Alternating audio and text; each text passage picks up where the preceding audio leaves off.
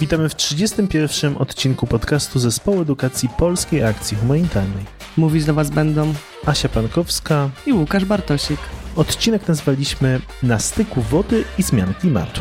W nagraniu rozmawiamy z dr Aleksandrą Kardaś, autorką książki o wodzie, fizyczką atmosfery i redaktorką naczelną serwisu Nauka o klimacie.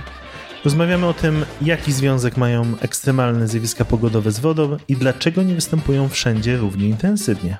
Pytamy też o to, co możemy zrobić dla zasobów wodnych w swoim najbliższym otoczeniu, a także co napawa naszą gościnę optymizmem. Zaczynamy! Aleksandra Kardaś, jestem fizyczką atmosfery i redaktorką naczelną serwisu Nauka o klimacie. Panie Aleksandro, spotykamy się trochę z okazji Dnia Wody, ale te tematy, które będziemy poruszać, y, doświadczają nas coraz częściej. Chcielibyśmy, żeby ramą tej dyskusji dzisiejszej naszej rozmowy było przede wszystkim powiązanie klimatu i właśnie kwestii dostępu do wody od różnych stron ujętych. Zacznijmy może od takiego generalnego pytania, bo czasem y, słyszymy takie stwierdzenie, że kryzys klimatyczny czy zmiana klimatu to przede wszystkim kryzys wodny. Czy pani w ogóle by się zgodziła z takim stwierdzeniem? Ewentualnie jaka cząstka prawdy w nim się kryje? Na pewno zmiana klimatu powoduje bardzo duże utrudnienia w dostępie do wody i będzie powodowała coraz większe. Oczywiście tych problemów jest więcej i ja myślę, że pewnie każdy w zależności od tego, jaką dziedzinę reprezentuje, to będzie widział tutaj prymat problemów w swojej dziedzinie. E, bo są też bardzo poważne skutki, jeśli chodzi o zagrożenie dla ludności ze strony upałów albo zjawisk ekstremalnych, takich jak huragany. Mamy do czynienia z większym rozprzestrzenianiem się rozmaitych chorób, które do tej pory były zamknięte w konkretnych strefach klimatycznych, a teraz jak te strefy klimatyczne się przesuwają, to również choroby znajdują nowy zasięg, więc zmienia się tak naprawdę na Ziemi bardzo wiele, ale tutaj rzeczywiście ten dostęp do wody to jest coś, co jest chyba w wielu przypadkach łatwe do takiego zrozumienia i powiązania ze zmianą klimatu, no i jest też bardzo dotkliwe dla, dla społeczności i dla ekosystemów. Powiedziała Pani, że te skutki są widoczne w wodzie, ale czy to też jest tak, że to, co robimy z wodą, wpływa na pogłębianie się kryzysu klimatycznego, czy raczej pogłębiamy kryzys czymś innym, no, przez CO2, a ta woda to jest skutek bardziej niż przyczyna? U przyczyn e, współczesnego kryzysu klimatycznego, czyli wzrostu średniej temperatury powierzchni Ziemi wynikającego ze wzrostu koncentracji gazów cieplarnianych w atmosferze, stoi e, działalność człowieka ta polegająca na emisji gazów cieplarnianych, czyli dwutlenku węgla, metanu, podtlenku azotu, jakichś gazów technicznych, jak freony. I tutaj e, to, co robimy z wodą w naszym otoczeniu, ma może znaczenie dla naszego otoczenia i mikroklimatu takiego w naszej okolicy, ale nie ma takiego zasadniczego znaczenia dla globalnego klimatu. Tutaj to, co się e, dzieje z wodą, to, że mamy problemy z suszami albo z powodziami, to jest efekt raczej e, zmiany klimatu i, i jakichś naszych działań. Nie, tutaj raczej patrzymy na problemy z dostępem do wody jako na skutek zmiany klimatu, niż na to, że jakieś nasze działania związane z wodą tę zmianę klimatu powodują. Ale czy nie jest tak, że gdybyśmy lepiej tą wodą zarządzali, to też skutki by były być może łatwiejsze do, no może mniej dotkliwe? To znaczy, że na przykład nie wiem, więcej CO2 by było pochłaniane przez wodę i tak dalej? Czy to raczej nie jest e, na tyle mm, znaczące? Nie, raczej takiego powiązania, że dzięki naszemu zarządzaniu wodą uzyskamy jakieś lepsze pochłanianie dwutlenku węgla przez wodę, raczej tutaj nie będzie. Natomiast e, rzeczywiście mądrzejsze zarządzanie tym, co się dzieje z wodą, z naszym otoczeniu, e, staranie się, żeby zachowywać e, wodę opadową w glebie, w zbiornikach, w mokradłach, będzie nam pomagało w adaptacji do zmiany klimatu, w łagodzeniu jej skutków i może rzeczywiście mieć taki bardzo pośredni wpływ na ewentualnie pochłanianie dwutlenku węgla z atmosfery, bo jeżeli będziemy utrzymywać gdzieś teren zielony, nawodniony, wilgotny, no to on będzie pewnie pochłaniał rzeczywiście więcej dwutlenku węgla. Jeżeli pozwolimy mu wyschnąć, to rzeczywiście przyłożymy się do e, jakichś e, emisji dwutlenku węgla lub nawet metanu do atmosfery. Ale to jest już taki element bardziej pośredni, e, odległy, nie jest tak bezpośrednio związany z tym, od czego na, tak naj, najbardziej zależy zmiana klimatu, skąd się ona tak przede wszystkim bierze. Ja bym chciał od trochę innej strony teraz zadać y, pytanie, bo mnie frapuje, to może takie naiwne, ale frapuje ta sytuacja, że wciąż nasza planeta to głównie woda, mhm. e, głównie oceany. I interesuje mnie ten aspekt, po pierwsze, po co Ziemi te oceany są, po co nam tak dużo tych oceanów, a po drugie, co się z tymi oceanami stanie w tej całej sytuacji e, zmian klimatu, albo co się dzieje już w zasadzie, mhm. tak? Jak one wpływają, czy one jednocześnie te zmiany klimatu podejrzewam, że wpływają na oceany, ale też te zmiany w oceanach wpływają na zmiany klimatu. Tak sobie przynajmniej to wyobrażam. Ale to trochę takie naiwne pytanie. No myślę, że na te tematy to pewnie moglibyśmy właśnie e, zacząć pisać e, całą nową książkę. Tak naprawdę, jeżeli pytanie brzmi, po co naszej Ziemi oceany? No, naszej Ziemi one są po nic, bo nie było żadnego jakiegoś umysłu, który by wymyślił, że zrobimy planetę i na niej będzie ocean, który będzie służył do tego i tamtego. To, że oceany powstały, to jest y, wynik kolejnych zbiegów okoliczności i procesów fizycznych. Przede wszystkim tego, że na naszej planecie w ogóle e, pojawiła się woda stopniowo, y, częściowo po prostu cząsteczki wody unosiły się pierwotnie w przestrzeni kosmicznej i y, łączyły się razem z innymi cząsteczkami, tak żeby w końcu stworzyć przypadkiem po wielu, wielu miliardach lat planetę. Później na tą planetę woda też docierała prawdopodobnie e, razem z kometami, które się o nią rozbijały. I kiedy takie formowanie naszej planety się zakończyło w cudzysłowie, czyli uzyskała taką formę jaką znamy teraz, chociaż pewnie cały czas się przekształca, no to były to warunki, w których na jej powierzchni mogła znajdować się e, płynna woda, tak? Woda w stanie płynnym, bo wcześniej mieliśmy do czynienia z planetą pokrytą raczej płynną magmą, czy coś w tym rodzaju. Więc to wyglądało zupełnie, zupełnie inaczej, ale już ostygliśmy i może się tutaj znajdować nie, e, woda w stanie płynnym, jednocześnie jest na tyle ciepło, że właśnie może znajdować się woda w stanie płynnym, więc e, to jest taki efekt e, przypadkowy. Ale oczywiście, jak już ten ocean jest, no to ma on swoje znaczenie dla tego, jak nasza planeta działa. Na przykład ocean jest wielkim, wielkim magazynem energii. To właśnie w nim się gromadzi mnóstwo ciepła, mnóstwo energii, której w tej chwili przybywa na naszej planecie w związku z globalnym ociepleniem. To właśnie tutaj większość tej energii ląduje. Ocean pochłania też bardzo dużo dwutlenku węgla, który emitujemy, około e, tak 20-30%, więc gdyby nie ocean, to e, dwutlenku węgla byłoby już w atmosferze więcej tego emitowanego e, ze względu na to, że my emitujemy dodatkowe ilości dwutlenku węgla do atmosfery, więc e, ocean zdecydowanie ma tutaj e, swoją rolę. Dzięki temu, że ocean jest bardzo dużym magazynem ciepła, to on to ciepło z jednej strony pochłania, z drugiej strony może uwalniać i to bardzo spowalnia zmiany też klimatu odczuwane przez nas, bo kiedy na Ziemi przybywa energii, to właśnie ocean dużą część przechwytuje. Gdyby, gdyby tego nie robił, to również mielibyśmy do czynienia z dużo szybszym ogrzewaniem się naszej planety obecnie. Więc ocean jest takim e, spowalniaczem trochę e, zmian klimatu. Tylko dopytam o jedną rzecz. To znaczy, że teraz, kiedy te zmiany klimatu przyspieszyły, on wciąż pochłania, tak jak pochłaniał wcześniej i jest ok? Czy jednak e, te zmiany klimatu na tyle przyspieszyły i na tyle są intensywne, że jednak w samym oceanie też dzieją się jakieś e, nowe procesy, których nie dostrzegaliśmy wcześniej. No więc przede wszystkim tak. Zawsze w naszej historii zachodziły jakieś zmiany klimatu i ocean odgrywał w nich jakąś swoją rolę, że zawsze był takim buforem trochę który bardzo powoli się ogrzewa albo bardzo powoli stygnie. Natomiast teraz mamy do czynienia ze zmianą klimatu spowodowaną przez człowieka i myślę, że jest bardzo ważne, żeby pamiętać, że człowiek nie przyspieszył jakiejś naturalnej zmiany, tylko spowodował zmianę której by e, bez jego udziału nie było. My spowodowaliśmy ocieplenie klimatu i jest to ocieplenie bardzo szybkie rzeczywiście. Gdyby nie nasza działalność, to tego ocieplenia klimatu obecnie by nie było, bo obecnie mielibyśmy do czynienia z powolnym ochładzaniem się klimatu. Natomiast e, na razie mamy e, taką sytuację, że gdyby oceanu nie było, to to ocieplenie zachodziłoby szybciej, bo nie byłoby tego wielkiego pochłaniacza energii i też szybciej dlatego, że część dwutlenku węgla, jaki emitujemy do atmosfery, którą obecnie ocean pochłania, e, by w niej pozostawała, czyli szybszy byłby wzrost koncentracji dwutlenku węgla w atmosferze. I obecnie na razie, póki co, ocean radzi sobie dość dobrze z tym pochłanianiem dwutlenku węgla i on e, cały czas mniej więcej właśnie pochłania takie 20-30% naszych e, emisji. To jest e, do tej pory zdumiewające, że nasze emisje cały czas rosną, czyli my co roku emitujemy więcej dwutlenku węgla do atmosfery.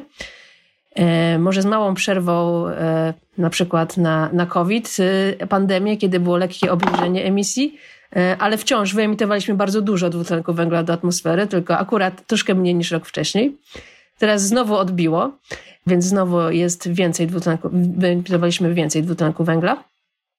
A mimo to ocean cały czas daje radę te 20-30% pochłaniać, bo tak istotny jest wpływ tego rosnącego ciśnienia dwutlenku węgla w atmosferze.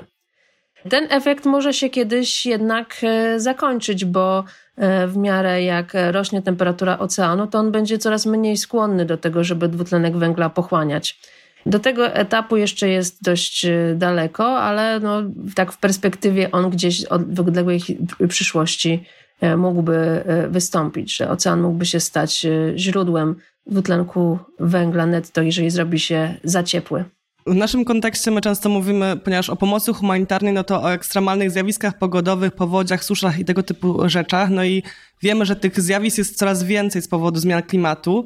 Ale tak na chłopski rozum, skoro wody jest tyle samo, to dlaczego jest więcej susz i więcej powodzi? Znaczy, jak to się dzieje, że przy tej samej jakby ilości, ilości wody te zjawiska się pogłębiają?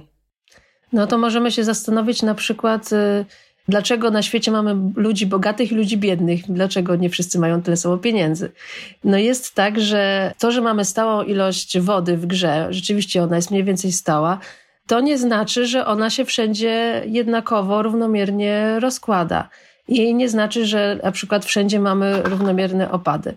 Mamy na świecie przede wszystkim regiony, w których pada dużo deszczu i w których pada mało deszczu, co jest związane z ich uwarunkowaniami takimi geograficznymi, gdzie one się znajdują na jakiej szerokości geograficznej, jak daleko od oceanu, po której stronie gór. Natomiast jeszcze oprócz tego, że mamy takie e, właśnie zależności geograficzne, to mamy też e, zależności związane z porami roku, z różnymi przepływami mas powietrza. I okazuje się, że zmiana klimatu wpływa na te właśnie przepływy mas powietrza, na zasięg wyżów, zasięg niżów, na ich e, wędrówki w ten sposób, że że sprzyja przedłużonemu utrzymywaniu się e, okresów takich bezdeszczowych w wielu lokalizacjach, że sprzyja poszerzaniu się takiej zwrotnikowej strefy obszarów e, suchych. E, natomiast z kolei powoduje występowanie silniejszych burz, silniejszych ulew, czyli może być tak, że nawet w jakiejś lokalizacji spada mniej więcej tyle samo wody w ciągu roku co kiedyś, ale zamiast w postaci takiego e, równomiernego deszczu, występującego dość często, nagle zamienia nam się to, znaczy nie nagle, tylko stopniowo zamienia nam się to na długie okresy suche, a później e, silne opady ulewne. Więc mamy do czynienia po prostu ze zmianami takimi w tym, jak przemieszczają się masy powietrza w naszej atmosferze i one, i tym, jak, jak często, jak silne opady one przynoszą. Mówiliśmy już trochę o tym, że to są zmiany wywołane przez człowieka i w momencie, kiedy mamy działania takie edukacyjne w polskich szkołach i mówimy o wodzie, najczęściej one się sprowadzają do dyskusji o tym, żeby zakręcać wodę w kranie albo brać krótsze prysznice.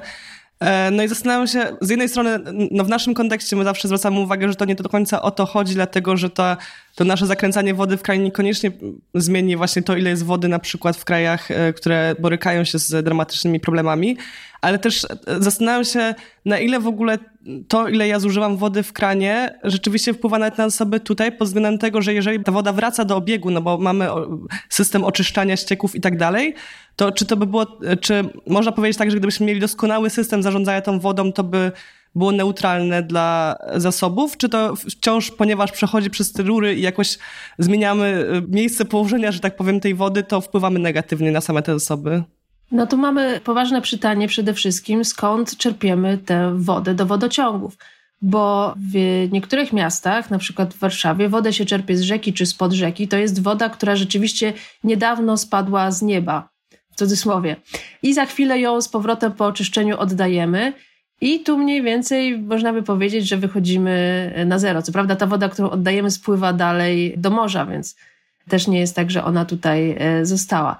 Ale jeżeli mamy, pobieramy e, wodę w miejscowości, tak jak to się w wielu miejscach dzieje, z e, warstw położonych głęboko pod ziemią, z warstw wodonośnych, które powstały setki lat temu, albo tysiące lat temu, albo nawet miliony lat temu, są gdzieś właśnie głęboko pod powierzchnią Ziemi, czasami nawet odizolowane jakimiś nieprzepuszczalnymi warstwami, to ich odbudowanie będzie wymagało znowu setek tysięcy milionów lat, żeby woda z powierzchni Ziemi, którą na powierzchni Ziemi uwolnimy, e, która być może wróci do atmosfery i spadnie z powrotem w postaci deszczu, żeby ona wróciła tak głęboko pod ziemię, będzie potrzeba setek tysięcy milionów lat. W zależności od tego, jak głęboko chcemy zejść. Więc te zasoby należy traktować jako nieodnawialne. To jest taka nasza, powinna być taka polisa na przyszłość, na moment, kiedy wody w takiej dostępnej, e, krążącej tutaj w tym naszym takim szybkim obiegu wody pomiędzy atmosferą a lądem, atmosfera rzeki, atmosfera jeziora, atmosfera ocean, tak?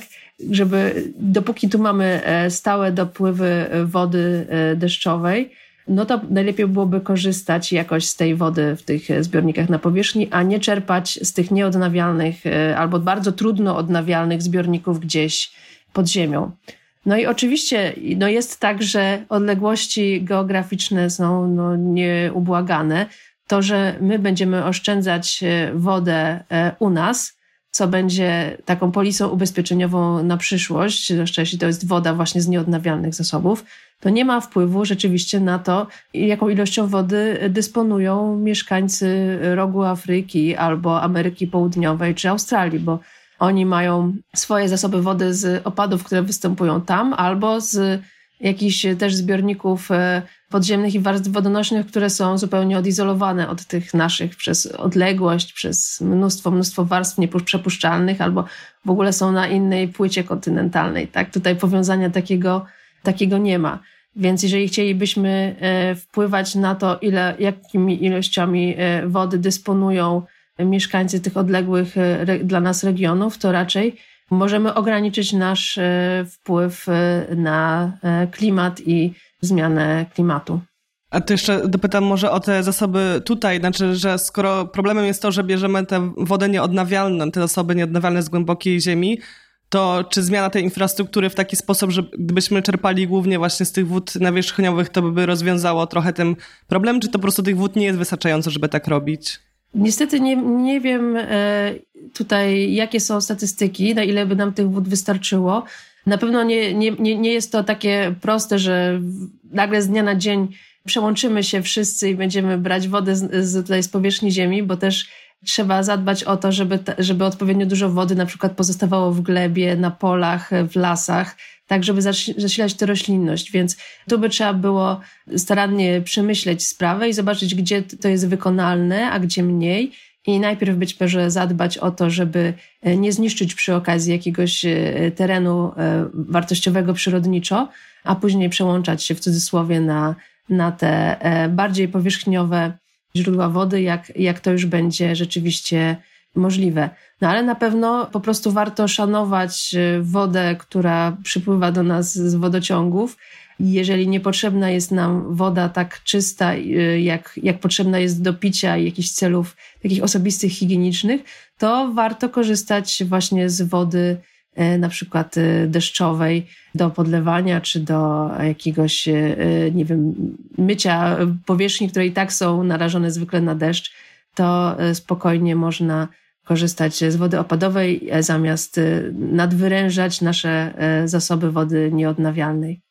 podczas warsztatów w swoich materiałach też powołujemy się czasem na taką informację, że zdecydowana większość katastrof naturalnych, chyba w jednym miejscu znalazłem, że 75%, w drugim, że 90% y, jest związana z wodą. My przed chwilą mówiliśmy o suszy, no bo to jest też taka najbardziej chyba umiemy sobie wyobrazić, że brak wody to susza, no ale też powodzie są spektakularne i coraz częstsze.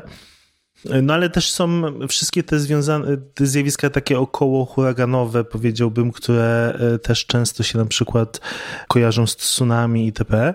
I chciałbym zapytać o to, dlaczego tak naprawdę mamy coraz więcej tych e, zjawisk, ekstremalnych zjawisk, e, katastrof naturalnych. Czy to ma jakiś związek też z cyklem wodnym, czy jest po prostu taką typową konsekwencją kryzysu klimatycznego? No przede wszystkim nasz klimat i obieg wody w przyrodzie są powiązane, to, czy też można wręcz powiedzieć, że jedno jest częścią drugiego. I tutaj zgadywać, które którego, bo aż, aż tak trudno to jest e, rozwikłać. Więc e, jeżeli możemy mówić o tym, że na przykład zmiana klimatu przyspiesza obieg wody w przyrodzie, czasami tak to się e, określa, co oznacza po prostu, że im jest cieplej, im woda w oceanie jest cieplejsza na przykład, tym ona silniej paruje. I też y, później powietrze jest cieplejsze i ma dużo pary wodnej ma w związku z tym więcej energii do tworzenia większych, y, silniejszych y, chmur burzowych albo większych, silniejszych huraganów, cyklonów tropikalnych, ale też cyklonów takich umiarkowanych szerokości, czyli niżów atmosferycznych z opadami, frontami atmosferycznymi. Wszystkie te zjawiska dzięki temu, że ocean jest cieplejszy i silniej paruje, mogą być dzisiaj silniejsze, czyli przynoszą większe opady i są z nimi związane silniejsze wiatry też i one też mogą wędrować dalej, szybciej, na większe odległości. Obserwuje się na przykład, że cyklony tropikalne e, nad Atlantykiem e, coraz częściej e, wychodzą poza obszar tropikalny, czyli wychodzą poza zwrotnik na północ. Kiedyś w momencie, kiedy cyklon tropikalny wychodził poza zwrotnik, bo on idzie z tak tej części świata, która nas interesuje, na półkuli północnej. On powstaje gdzieś tam niedaleko równika i wędruje zwykle na, na zachód i, i, i na północ. Tak? I kiedy wychodził poza zwrotnik, to kiedyś przestawaliśmy go śledzić, bo znaczyło, że już na tyle się osłabił, że już nie ma co. Na przykład teraz już musimy śledzić takie cyklony. Amerykanie wprowadzili nowy termin, że to jest cyklon posttropikalny, który wywędrował właśnie z tego tropikalnego regionu, ale wciąż jest na tyle silny, że może przynieść duże zniszczenia, e, jeżeli gdzieś e, dotrze nad ląd. Więc te wszystkie zjawiska, jak cyklony tropikalne, ale też nasze niże, e, mogą być dzięki gorącemu, coraz cieplejszemu oceanowi coraz silniejsze, bo one po prostu czerpią stąd swoją energię. I stąd mamy coraz silniejsze takie zjawiska ekstremalne. Nie wszystkie z nich są coraz częstsze. E, na przykład, e, tak jak policzymy wszystkie cyklony tropikalne, to prawdopodobnie ich liczba nie rośnie, ale obserwujemy, że coraz więcej z tych cyklonów, które powstają, jest bardzo silna, czyli właśnie ich niszczycielskość jest e, większa. I też, e, ponieważ e, mamy tak dużo pary wodnej wychodzącej z oceanu, te chmury, które powstają, niosą więcej wody, to też opady podczas takiego e, cyklonu tropikalnego są silniejsze niż kiedyś.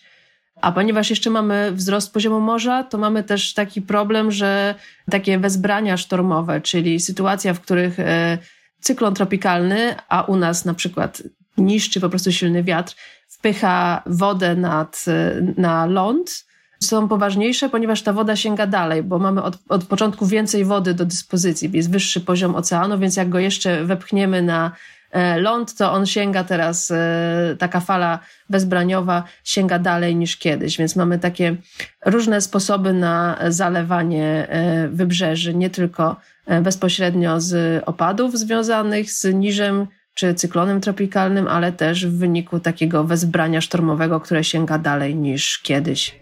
Czy jest już tak obecnie, że w niektórych regionach świata widać, że zmiany klimatu wpływają na niedobór wody? Tak e, naprawdę no, w znaczący sposób? Znaczy, obecnie y, około połowy ludzkości, przynajmniej przez miesiąc w ciągu roku, doświadcza problemów w dostępie do wody, ale to jest połączony efekt zarówno po prostu naturalnego klimatu występującego w danych lokalizacjach, jak E, jakichś e, działań e, bezpośrednich człowieka, jak i zmiany klimatu. No mamy miejsca, w których te susze są zdecydowanie poważniejsze niż kiedyś. I przede wszystkim takim naprawdę sztandarowym miejscem jest basen Morza Śródziemnego. Tutaj mamy dość dużą pewność, że na suszę w tym regionie, w tej okolicy wpłynęła zmiana klimatu. E, więc tutaj niedobory właśnie z tym zjawiskiem można, można powiązać. Także taki północno-zachodni kraniec e, Stanów e, Zjednoczonych. Tutaj również poważny jest wzrost intensywności susz i dość pewne powiązanie ze zmianą klimatu. Pośród takich innych miejsc, których też sądzimy, że zmiana klimatu wpłynęła na częstość występowania intensywność susz są e, Europa Zachodnia, południowa Australia, też południowa część e, Afryki, Brazylia, też e, wschodnie Chiny. To są miejsca, w których jest zdecydowanie wzrost częstości występowania susz rolniczych i, i tutaj no myślimy, że jest to związane ze zmianą klimatu. No wiadomo właśnie, że zmiana klimatu powoduje takie zmiany w tym, jak często występują opady, jak one są intensywne i w związku z tym e, narastają na całym świecie susze, nie tylko w tych e, regionach, e, o których wspomniałam. Czy to jest tak, że właśnie ta loteria geograficzna, to gdzie się urodziliśmy, najbardziej wpływa na to, jak bardzo silnie będziemy odczuwać te skutki, czy jednak ważniejszy jest też ten aspekt ekonomiczny, znaczy, że jeżeli dane państwo, dana lokalizacja jest na tyle zasobna w to, żeby mieć dobrą infrastrukturę wodną i w jakiś sposób technologicznie temu zapobiegać, to sobie poradzi? Czy w niektórych lokalizacjach geograficznych to nieważne od portfela i tak po prostu te skutki są nieproporcjonalnie większe? No tutaj niestety pewnie jest tak, że w wielu przypadkach e, miejsca, które doświadczają najpoważniejszych skutków e, zmiany klimatu, w tym susz, są też często wyjściowo niebogate, tak? bo one niestety wygląda to w ten sposób, że e, zmiana klimatu zaostrza takie kontrasty. Coraz suszej robi się w miejscach, w których i tak już wcześniej bywały susze, więc w wielu przypadkach to są również miejsca, w których ludność już żyła na pewnej krawędzi wystarczalności tych zasobów i w związku z tym e, miała ograniczone możliwości bogacenia się, chyba że na przykład miała dostęp do ropy albo innego cudownego e, takiego zasobu, który załatwia w cudzysłowie wszystko, bo daje bardzo dużo pieniędzy. E, więc oczywiście, jeżeli gdzieś jest taka sytuacja, że pieniędzy jest bardzo dużo, to często da się zbudować silną infrastrukturę, jakieś e, cuda techniki, które pomogą wyłapywać wodę skąd się da, oszczędzać ją, e, wykorzystywać powtórnie i na pewno państwa zasobne są w lepszej sytuacji. E, natomiast niestety problemy dotyczą w bardzo dużej mierze państw, które, które tak zasobne nie są i trzeba powiedzieć, że właśnie kraje niezasobne, a, a wszędzie na całym świecie właśnie osoby biedne z marginesu, gdzieś mieszkające z dala od infrastruktury, są najbardziej na, narażone na skutki susz. A czy w perspektywie naszego życia taka wizja, że w, Polsce będziemy mieć taki dramatyczny brak wody pitnej jest w ogóle realna? Czy to jest raczej kwestia u nas rozmawiania o rozsądnym gospodarowaniu wodą tutaj, a solidarności globalnej w, do innych miejsc, gdzie tej wody będzie realnie brakować? No na szczęście my jesteśmy w takim dobrym położeniu, że nam raczej nie grozi to, że całkiem przestanie u nas padać deszcz. My mamy do czynienia właśnie z sytuacją, w której deszczu w ciągu roku pada mniej więcej tyle samo, a nawet spodziewamy się, że roczne sumy opadów mogą nieco wzrosnąć w przyszłości, w miarę jak będzie się klimat ocieplał. Czyli ten zasób będzie do nas stale przychodził, woda, i tylko musimy nią rozsądnie gospodarować, starać się, żeby ona zostawała w naszym krajobrazie, odnawiała nasze warstwy wodonośne, zasilała nasze pola i lasy w sposób jak najbardziej naturalny i prosty i żebyśmy też z niej wydajnie korzystali, zostawiali ją sobie e, na okresy, kiedy tych opadów nie ma. Więc e, tutaj, jeżeli będziemy rozsądni, i będziemy się starać y, gospodarować tą wodą, która, która do nas cały czas przypływa, to takiego bezpośredniego problemu, że nie mamy y, wody dla ludzi do picia, u nas raczej nie, po, nie powinno być. ale to się nie stanie samo, tak? Warto o tym pamiętać, bo często ludzie jak usłyszą, że u nas nie będzie tego problemu, to już przestają słuchać. Ale e, trzeba pamiętać, że tego problemu nie będzie, jeżeli dopilnujemy, żeby go nie było. Mamy, mamy po prostu możliwości, y, mamy wodę i mamy też, y, nie ukrywajmy to, finanse, bo należymy jednak do tych bogatszych krajów na świecie, a nie tych y, najbiedniejszych.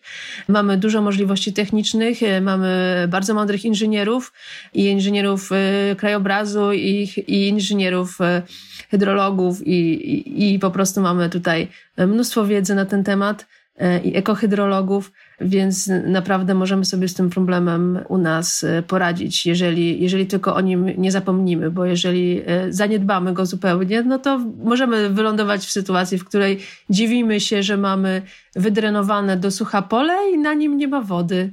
Co niektórych dziwi, że odprowadzają całą wodę z pola, a potem mają suszę na tym polu w tajemniczy sposób. Więc jeżeli będziemy tak, e, tak kombinować, no to nic nam nie wyjdzie, ale mam nadzieję, że ten problem staje się głośny, zauważany i też, że coraz częściej mówi się o rozwiązaniach, które naprawdę pomagają zatrzymywać u nas wodę, więc, więc możemy sobie z tym u nas e, poradzić od razu mi się nasuwa w głowie ten argument, który jest już wielokrotnie powtarzany. Za każdym razem, szczególnie jak, jak jakaś susza dopada Polskę, to ten argument, że my mamy właśnie małe zasoby wodne, takie jak Egipt. I to tak działa pewnie na wyobraźnię nam, no bo Egipt to wiadomo się kojarzy z jakąś pustynią, a rozmawiamy raczej o zasobach wodnych tych e, głębinowych, podejrzewam. No ale mimo wszystko jest utwierdzany w Polsce taki stereotyp, nie wiem, stereotyp, nie stereotyp, fakt, że mamy mało zasobów wodnych, tak jak niektóre kraje, które właśnie no, borykają się z, z, z brakiem dostępu do wody i Egipt jest tutaj zawsze wymieniany. No tutaj to już jest trochę kwestia takich e, niuansów e, związanych z tym, e, jak liczymy nasze zasoby wodne i jakie tutaj wielkości przyjmujemy, które nas interesują, bo to hasło jest tak y, częściowo prawdziwe, bo w rzeczywistości mamy taką samą ilość y, wody wpływającą do morza wszystkimi rzekami z obszaru kraju. Tak, y, to jest wskaźnik odnawialnych zasobów wodnych. Ale w, jeżeli policzymy sobie już ile wody na przykład przypada na osobę na rok, to okaże się, że w Egipcie jest to trzy razy mniej niż w Polsce. Poza tym w Egipcie to, ile tej wody płynie Nilem, to wynika z tego, ile wpłynęło e, z zagranicy w cudzysłowie, a u nas z kolei woda, która płynie naszymi rzekami, to przede wszystkim bierze się z opadów i, i związana jest z tym, ile wody u nas pozostaje, czy nie. Więc e, to jest skomplikowane mówić o tym, jakie są zasoby wodne i ten Egipt może nie jest najlepszym porównaniem. Nawet choćby jeśli spojrzymy na opady, u nas opady to jest kilkaset milimetrów opadu rocznie, bo to się liczy, ile wody spadło, jaką warstwę by utworzyło, tak? U nas to jest jakieś 600 milimetrów.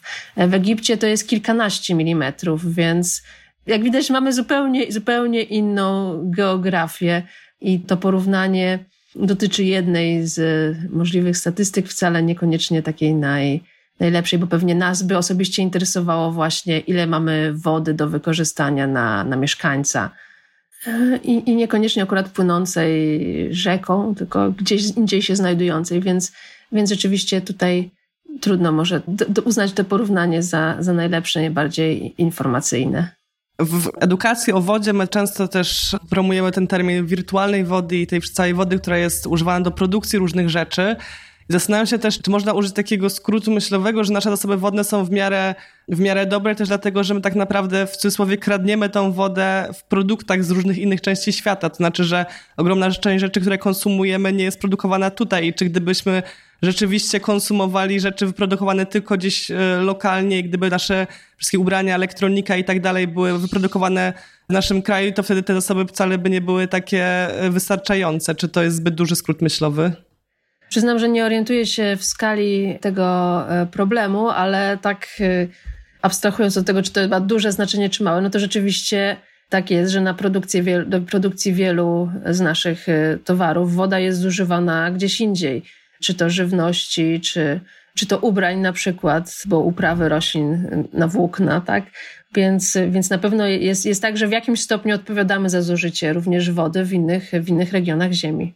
Ja bym chciał tak od innej perspektywy teraz zapytać, trochę bardziej przekrojowo. Z Pani doświadczeniem, wiedzą taką szeroką o zmianach klimatu, które zjawiska na styku właśnie zmian klimatu i dostępu do wody na świecie najbardziej Panią niepokoją w kontekście najbliższych dziesięcioleci?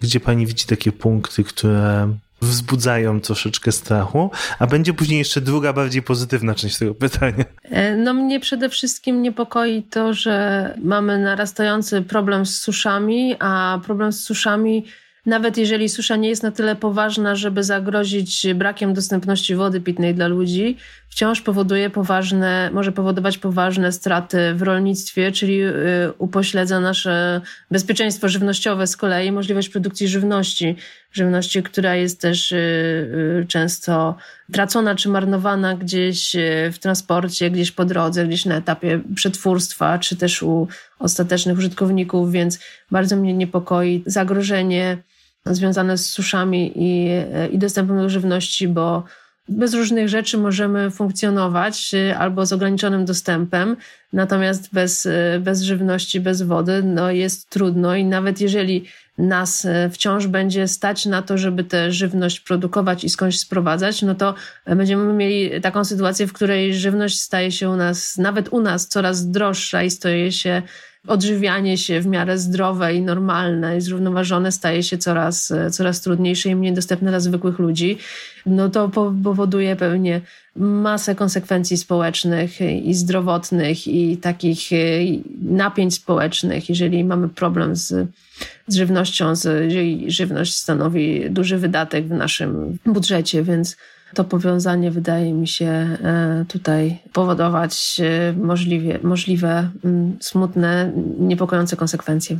To obiecana druga część pytania. Gdzie, jakie zjawiska są promykami nadziei na styku wody i, i zmian klimatu, kryzysu klimatycznego? E, no ja się cieszę z tego, że na przykład coraz więcej o tej wodzie mówimy i coraz większa jest świadomość, że woda to nie jest coś, co należy tylko jak najszybciej przepuścić przez nasze środowisko życia i jak najszybciej zepchnąć do kanałów i rzeki, żeby ona sobie gdzieś popłynęła, tylko że woda jest wartościowym zasobem, który powinniśmy u nas jak najdłużej zachować. Pojawia się poważna rozmowa na temat e, mokradeł i ich e, roli też w zachowywaniu wody w naszym otoczeniu i także coraz więcej osób jest świadome, że Obecnie badania naukowe pokazują, że takimi najskuteczniejszymi metodami zatrzymywania wody w krajobrazie, które z- pozwalają nam z jednej strony unikać zagrożeń związanych z suszami, jak i z tymi, tych związanych z powodziami.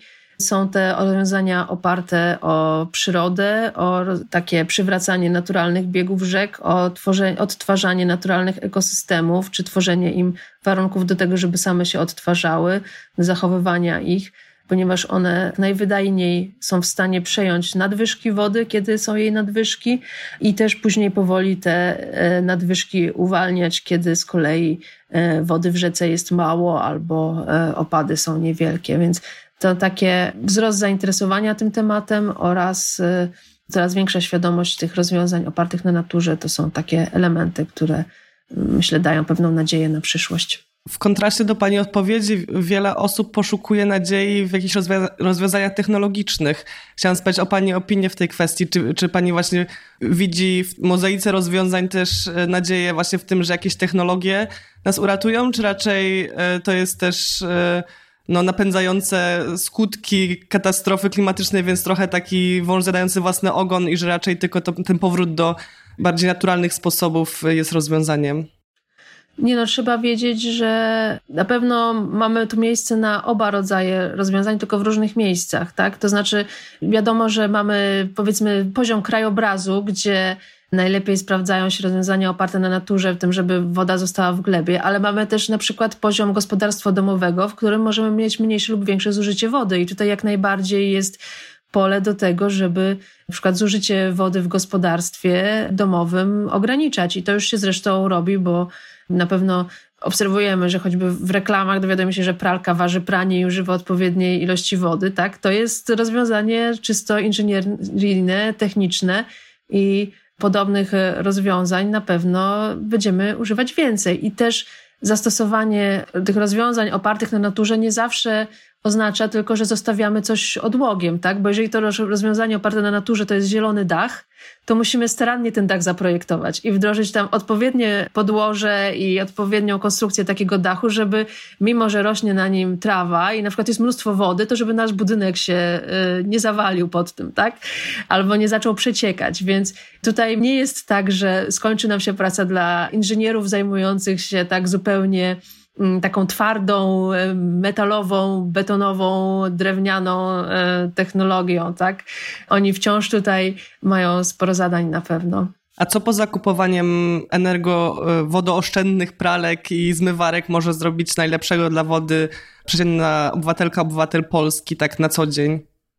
No przede wszystkim, jeżeli byśmy chcieli oszczędzać nasze nieodnawialne zasoby wody, no to jeżeli mieszkamy rzeczywiście w okolicy, w której woda jest z takich, takich miejsc pobierana, to warto popatrzeć na możliwości, żeby w niektórych zastosowaniach używać wody opadowej takich jak, nie wiem, podlewanie ogrodu, czy, czy napełnianie naszego oczka wodnego, czy zmywanie naszego e, podjazdu i tym podobne. E, można rozejrzeć się po tym, jak urządzony jest e, nasz ogród, czy nasza okolica, tak żeby raczej sprzyjać temu, żeby zamiast powierzchni jakichś betonowych, czy pokrytych E, nieprzepuszczalnymi jakimiś materiałami, rozmieszczać e, materiały takie przepuszczalne, e, mieć żwir zamiast asfaltu albo trawnik w ogóle zamiast betonu. Wydaje się, że trawnik to jest najbardziej naturalna rzecz w ogródku, ale niektórzy wolą mieć twardą ścieżkę, tak? Więc różne tutaj takie lokalne rozwiązania też można zastosować. Można zainteresować się jak pojawiają się jakieś plany zagospodarowania naszej e, okolicy, albo są dyskusje na temat tego, czy zrobić, e, jak jakiś e, teren zagospodarować, czy zrobić tam parking, czy zrobić tam teren zielony. Możemy w tym wszystkim uczestniczyć i starać się wybierać takie rozwiązania, które będą sprzyjały zachowywaniu wody w naszym otoczeniu, a nie jej ucieczce, pozbywaniu się tej wody. Wskazała Pani na takie obywatelskie też y, działania na poziomie lokalnym typowo, tym blisko nas, co mnie osobiście bardzo też cieszy, ale czy są jeszcze jakieś rozwiązania na wyższych poziomach, za którymi powinniśmy w cudzysłowie lobbować, znaczy na które powinniśmy naciskać y, rządzących krajem, aby, aby działali na arenie międzynarodowej? Czym powinniśmy się szczególnie zainteresować? No jeżeli byśmy chcieli e, uodpornić się na niedobory, grożące nam niedobory wody i tak e, podtrzymać działanie naszej, naszej przyrody i, ogólnie nasz dostęp do zasobów wodnych, no to powinniśmy też e, kierować się raczej tym, żeby zachowywać naturalne ekosystemy, w tym ekosystemy wodne, w takim stanie, jakim one w naturze występują, nie zabudowywać ich, nie regulować, też jeżeli to jest możliwe, bo um, oczywiście, jeżeli coś, jakaś rzeka jest, już jest uregulowana i ma duże części wybetonowanego koryta i tak dalej, to jest bardzo trudno ją tak po prostu przywrócić, tak? To, że przestaniemy utrzymywać te na przykład konstrukcje niekoniecznie oznacza, że szybko ona powróci do natury, tak? Więc y, oczywiście e, tutaj y, trzeba patrzeć, co jest możliwe gdzie, ale tam, gdzie jest to możliwe, to powinniśmy y, zatrzymywać jakieś modyfikacje, regulowanie rzek, a raczej pozwalać, żeby one płynęły naturalnie tym dotychczasowym korytem. Tam, gdzie to możliwe, należy się wycofywać z jakichś takich e, zabiegów regulujących sztucznie, mechanicznie e, nasze rzeki. Dobrym posunięciem jest też przywracanie mokradeł tam, gdzie one istniały, bo mamy sporo obszarów e, osuszonych sztucznie, bo no, chciano z nich e, korzystać w, no, w taki sposób, który byłby trudny na bagnach, ale dzisiaj widzimy, że te bagna są nam potrzebne, żeby, e, żeby magazynować wodę dla, dla całych większych regionów, dla całej okolicy, więc przywracanie mokradeł, naturalnego biegu rzek też ochrona takich e, przyjaznych e, retencji wody zwierząt jak bobry na pewno tutaj byłaby pomocna. Więc ogólnie wszelkie przywracanie ekosystemów, zachowywanie ich, e, denaturacja. Zmieniając zupełnie rejestry, często gdy mówimy o zmianach klimatu, o topniejących lodowcach, są takie e, scenariusze trochę jak z takich e, katastroficznych filmów o tym, że rozmrażają się jakieś wirusy i kolejne pandemie wyniszczają ludzkość. Na ile to są katastroficzne właśnie hollywoodzkie scenariusze, na ile to są realne rzeczy, które mogą nas spotkać w najbliższej przyszłości? Rzeczywiście jest tak, że jak e, wycofują się lodowce albo topnieje wieloletnia zmarzlina, to tam znajdujemy e, szczątki czasem zwierząt, które umarły na jakieś choroby, o których my dawno zapomnieliśmy, albo których w ogóle nie znaliśmy, albo które w danym regionie wydawały się, że już, już są usunięte i stanowi to zagrożenie biologiczne. No, można mieć nadzieję, że w części przynajmniej regionów być może udałoby się zapobiec takiemu zagrożeniu poprzez jakąś świadomość y, społeczeństwa, tak, że jeżeli widzimy, że tu jakieś podejrzane szczątki się y, pojawiają, to nie dłubiemy w nich, tylko powiadamiamy służby, które to pozbierają i odizolują, ale no nie wszędzie to jest możliwe. Czasami też może się to po prostu przyczynić do na przykład zanieczyszczenia e, wody pitnej gdzieś pozostając niewykryte, takie miejsce, gdzie coś, coś y, się odmroziło. Więc takie zagrożenie występuje. Były przypadki, w których y, y, wyłapano, że właśnie w rozmarzniętych szczątkach znajdowały się chorobotwórcze drobnoustroje.